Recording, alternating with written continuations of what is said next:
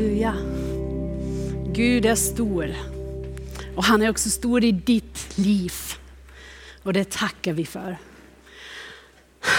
Alltså, vet ni alla, där hemma ni fattas här. Verkligen. Alltså jag började räkna talla. För jag saknade så mycket att räkna hur många människor stod framför glass eller korvkiosken. Men det, det är verkligen, ni fattas. Men ändå känner jag mig så, så, så glad att få vara här och så glad att du är precis här, där, där du är. För en kväll på Nyhem, det ska vara en kväll där vi förväntar oss att Gud talar rakt in i vårt liv. Och det gör han. Det kanske har han redan gjort ikväll och det är jag säkert på. För Gud är stor. Större än en plats, eller en tv-skärm, eller någon skärm, eller, eller distans och tid. Alltså när jag fick tema för äh, ikväll för att prata om hur stor Gud är, då tänkte jag på en gång på en liten grabb som jag äh, träffade när jag jobbade faktiskt på en dagis. Han var fem år ungefär. Och han var specialist. Ni vet, dagisbarnen kan vara de mest professionella specialister. De har kanske ibland svårt att berätta att de måste gå och kissa, men de vet allt om sitt specialområde. Och han hade universum som han specialt område. Och ni vet, han visste allt. Han visste allt om solsystemet, om vintergatan, om, om i solsystemet kretsar alla planeter i en elliptiska banor kring solen och alla de här dvärgplaneter, månar, kometer, asteroider. Alltså han visste allt. Och så tänkte jag, om han vet, då kanske kan jag försöka också att sätta in mig i detta ämne. För när jag tänker på hur stor Gud är, då dras mina tankar ut i universum. Ja, och då började jag. Jag började att läsa och att, att titta på saker och, och att, att bara sätta in mig. Men vet ni vad? Jag, jag hamnade på Youtube på en video som heter Astronomy for Dummies. Och, och, och, nivån var där uppe och jag kände mig ändå där nere. Så alltså jag verkligen jag gav upp. Men jag läste en intressant intervju med professor, doktor, doktor, alltså jag vet inte hur många titlar han hade, Neil Turok. Han var tidigare chef på Perimeter Institute i Waterloo, Canada. Kanada. Där världsledande fysiker möts för att lösa universums stora gåtor. Till exempel Stephen Hawking, det är bara en av de här namnkunniga fysiker som har varit där och diskuterade tänkbara lösningar. Och så sa han i detta intervju följande. Jag kan garantera att 99 procent av allt som görs i forskningen här på vårt institut är fel. Ni hörde rätt. Han sa 99 procent är fel. Och, och, det finns ingen tvivel sa han. Och han försökte att förklara att med allt som man tror sig att upptäcka så öppnar sig miljontals nya frågor och problem. Och med alla nya vackra detaljerade bilder som eh, Hubble-teleskopet skickar från rummet till oss så inser de att universumet är så oerhört mycket större än vad vi har tänkt oss. Och här pratar vi om Guds skapelse som är så stort att forskare, det mer de utforskar erkänner dem att det är outgrundligt. Jesaja 40, 26 och 28 så står det Se upp mot himlen. Vem har skapat allt detta? Han leder stjärnornas skaror och kallar var och en av dem vid namn. Hans makt och styrka är så stor att inte en enda av dem fattas. Hur kan du Jakob säga och du Israel klaga, Herren ser inte till mig. Min Gud tar sig inte an min sak. Vet du inte? Har du inte hört att Herren är en evig Gud som har skapat hela jorden? Han blir aldrig trött och svag. Ingen kan utforska hans förstånd. Guds storhet, den överstiger människans intellektuella förmåga att förstå. Och varje försök att definiera Guds storhet, det känns som en lönlös övning.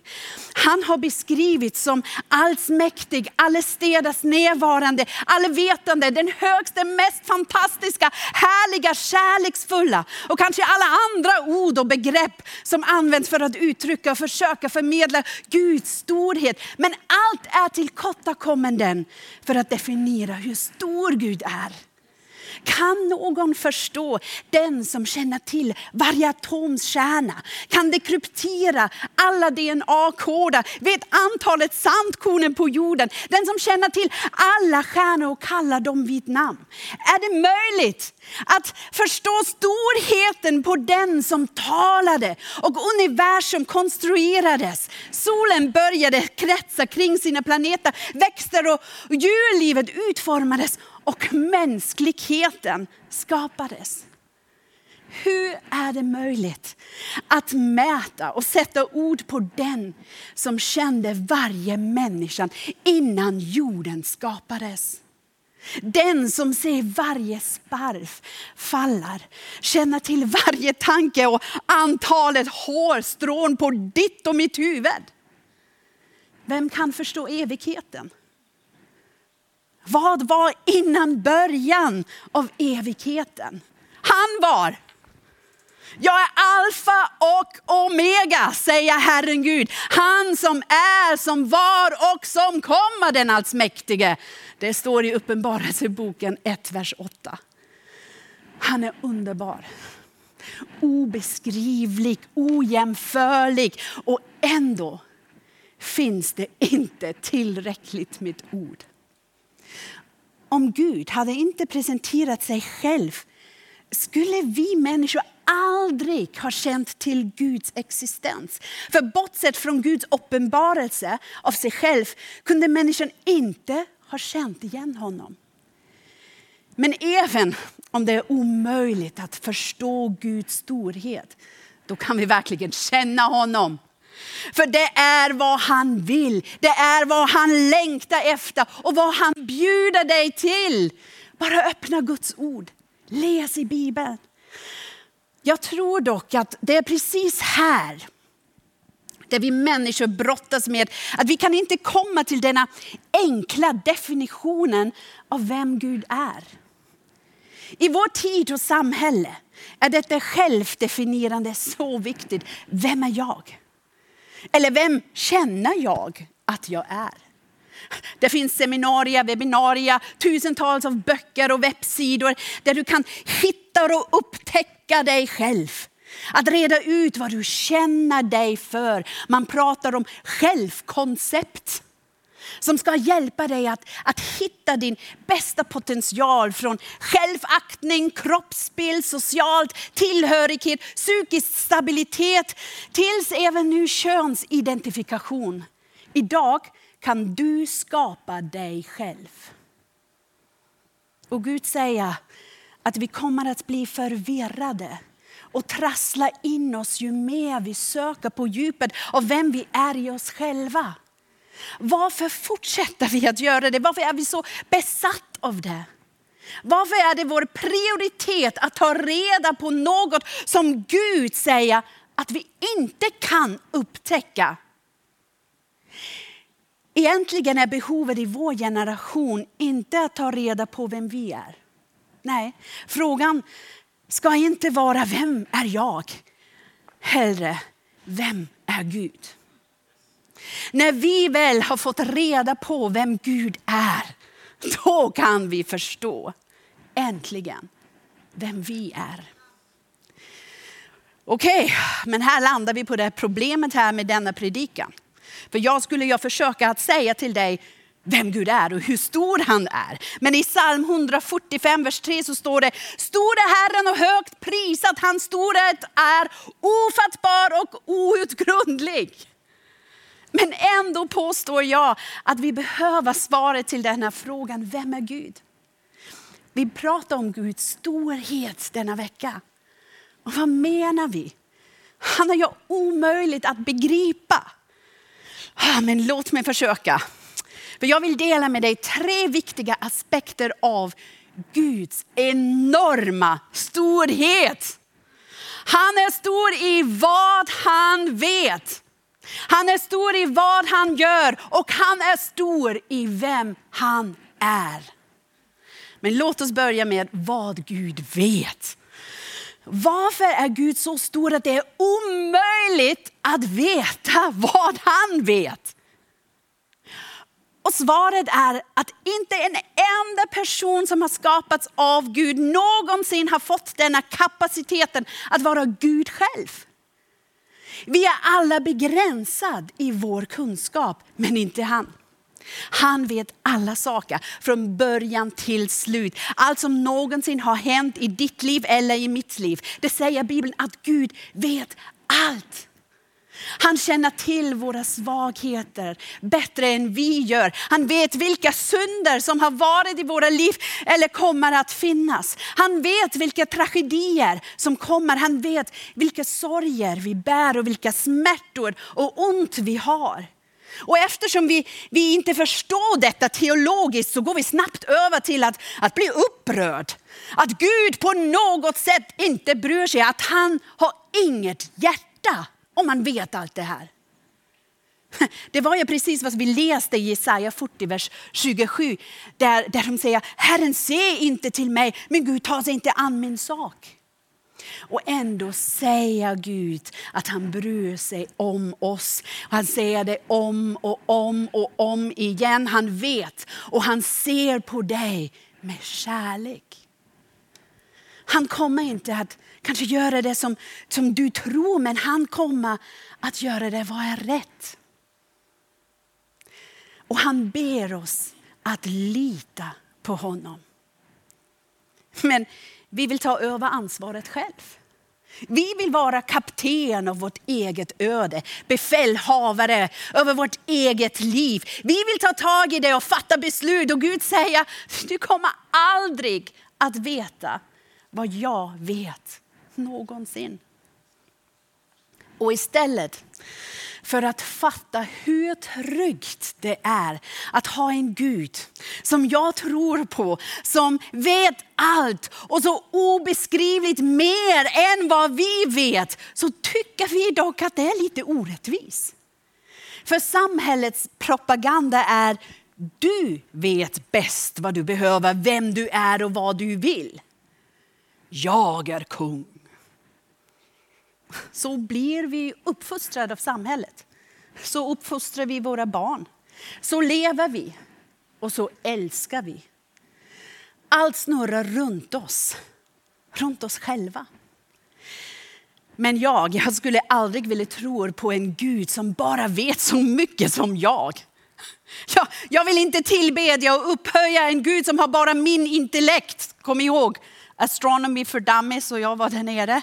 Nej, och här befinner vi oss på, på den här platsen där vår förståelse måste gå vidare och blir vår tro. För det står i Hebreerbrevet kapitel 11, vers 1. Tron är en övertygelse om det vi hoppas.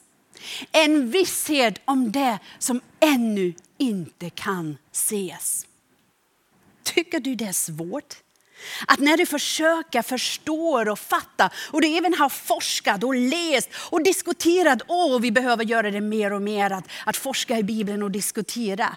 Men hörni, men du och din väg med Gud, den måste komma till den punkten där du måste besluta dig att vara övertygad om det du hoppas. Och att du är säker om saker du ännu inte kan se. Och då landar du på att tro. Och vet du, du behöver inte en stor tro. Det räcker med en liten tro på den stora guden. Gud, han är stor i vad han vet. Åh, men han är också stor i vad han gör. Låt mig fråga dig om du förstår varför Gud gör det han gör. Är det inte så att de gången vi tror att vi någonsin förstår det, det är när det visar sig att resultatet blev superbra. Eller hur? om vad Gud gör finns i vår lista av riktigt superspeciella bra saker, då säger vi, åh vilken underbar Gud han är. Låt mig berätta vad han gjorde. Men ingen är så taggad och säger, åh, ja ni vet, jag hade en sån usel vecka. Ja, jag kan säga det, eller jag menar, eh, jag vet inte ens varför det hände. Alltså det är inte det här vittnesbördet som man hör så ofta. Vi sakar detta happy end. Men ja, jag är så övertygad att det är precis sådana stories, precis som vi har hört också idag, som vi behöver berätta mer. Till Gud och till varandra. För det är det största vittnesbördet. Att kunna säga, det var inte bra och jag fattar inte varför det hände. Men ändå håller jag mig till Gud och han håller min högre hand. Jag förstår inte allt som händer, inte allt som han gör, men jag litar på honom. På detta bygga min tro. Grejen är att, att vi har denna tendensen att hantera Gud precis så som vi hanterar människor. Det betyder att vi är van med att, att bli besviken, att bli sårad av vad andra gör och att förvänta oss att människor är fulla av brister och kommer att överlämna oss. Det är kanske därför det är så många av oss har det ganska svårt med, att, med denna liknelsen att Gud är som en far. För du hade kanske en far som du inte vill ha i ditt liv längre. Vi är inte van med relationer som aldrig svika. Som aldrig såra. Vi är van med att, att saker hålla inte. Allt de säljer oss det håller inte heller, har du märkt det? Och jag funderade på det med många, många gånger. Jag tror att de gör saker idag i så en kvalitet eller dålig kvalitet. De ser snyggare ut, men håller du dem i dina händer så, så ja, de håller inte så som tidigare. Man vill att du ska uppleva att det går sönder så att du bara köper det, det senaste som har kommit ut.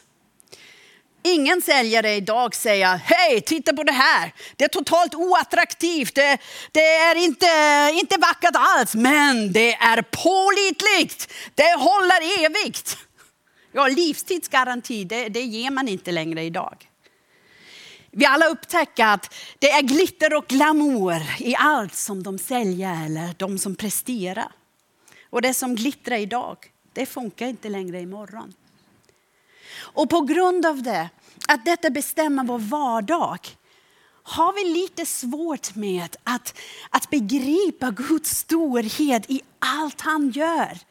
Det viktiga ord vi behöver förstå är att Gud är oförgänglig, oförstörbar och oföränderlig. Alla de här nya vokabler som jag lär mig i denna predikan.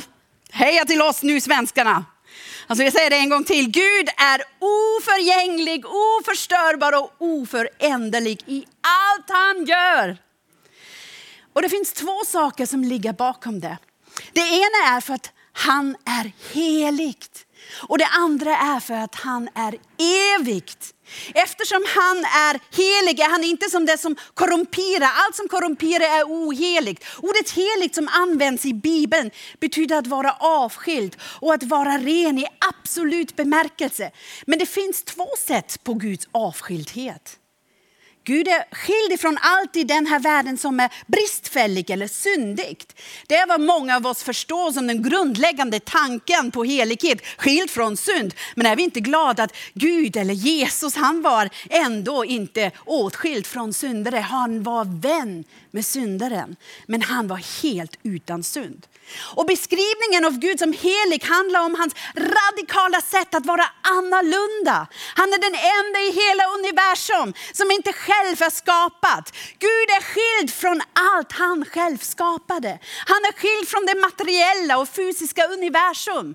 Och hela det skapelse, inklusive oss människor.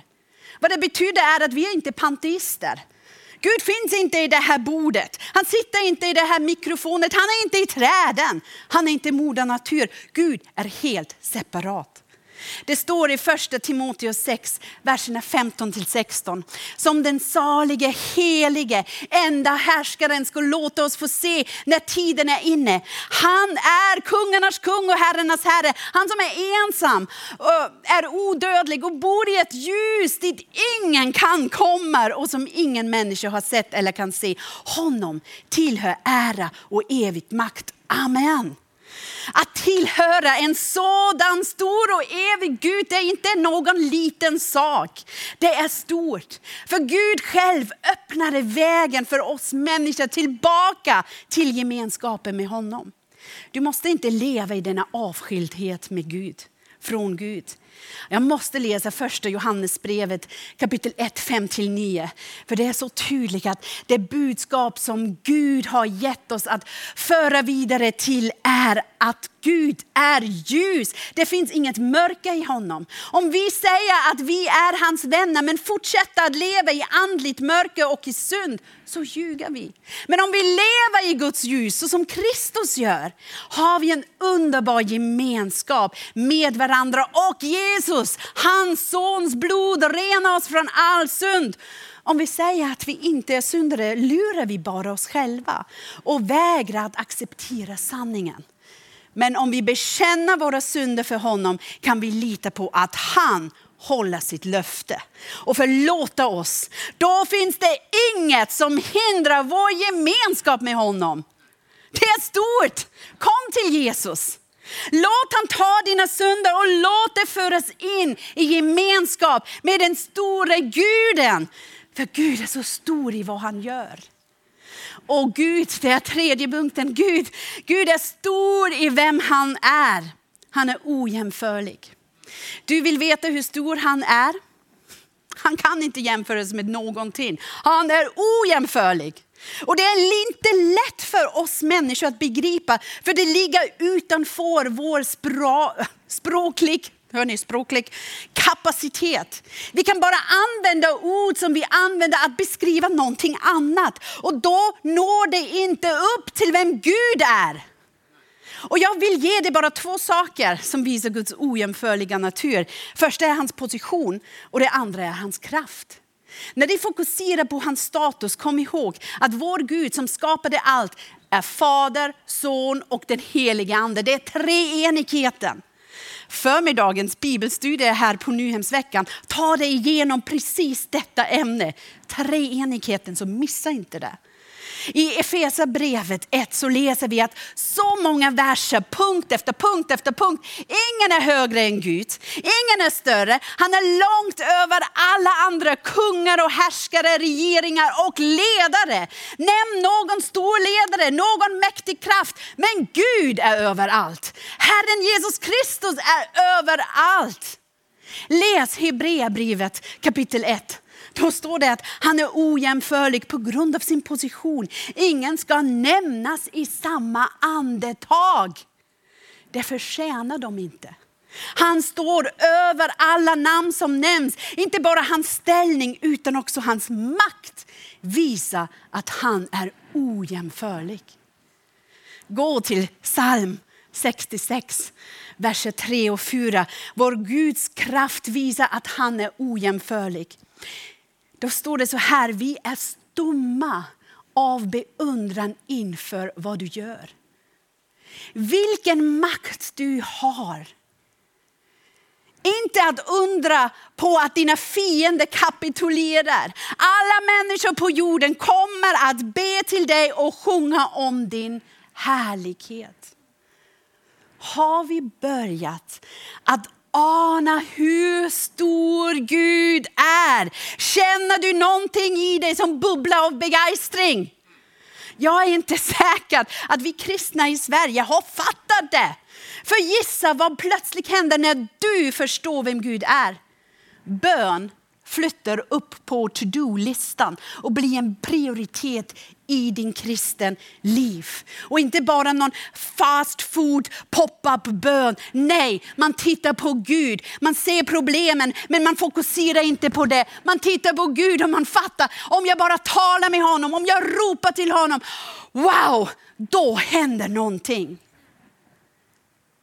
Det är Guds storhet och hans kraft som säger till mig att bön är viktigast. Att detta förmån att prata med Gud är helt enkelt mindblowing.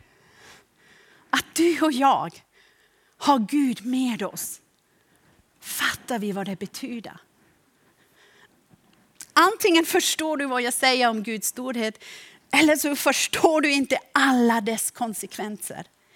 Men det viktigaste är att en av de första saker vi känner oss driven till, det är att vi vill och måste tillbedja, lovsjunga och helt enkelt be. Så glöm inte att be till honom är inte meningslöst. Att be till honom kan vara det viktigaste som du kan göra i ditt liv.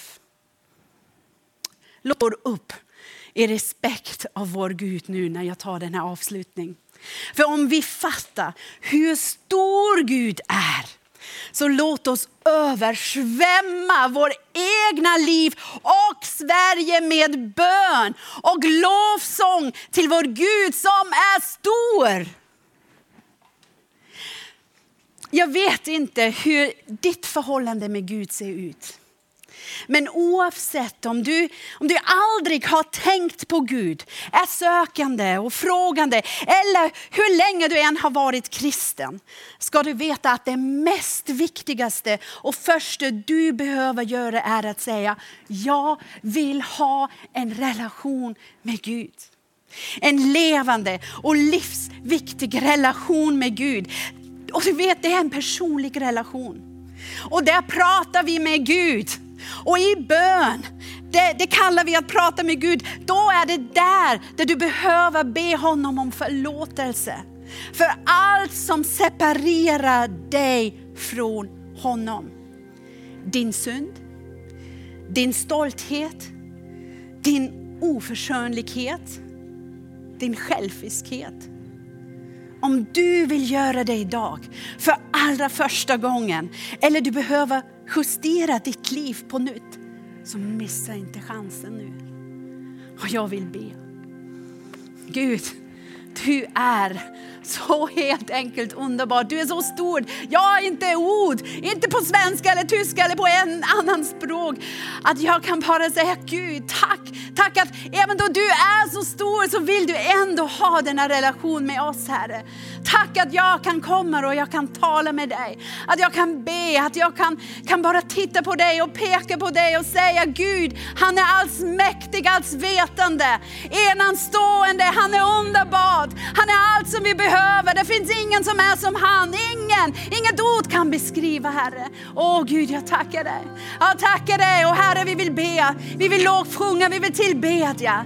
I Jesu namn, i Jesu namn. Låt oss fortsätta att be och att höja våra röster och att tacka den store Guden. Halleluja Jesus. Kiana malandia lele yarabade. Yana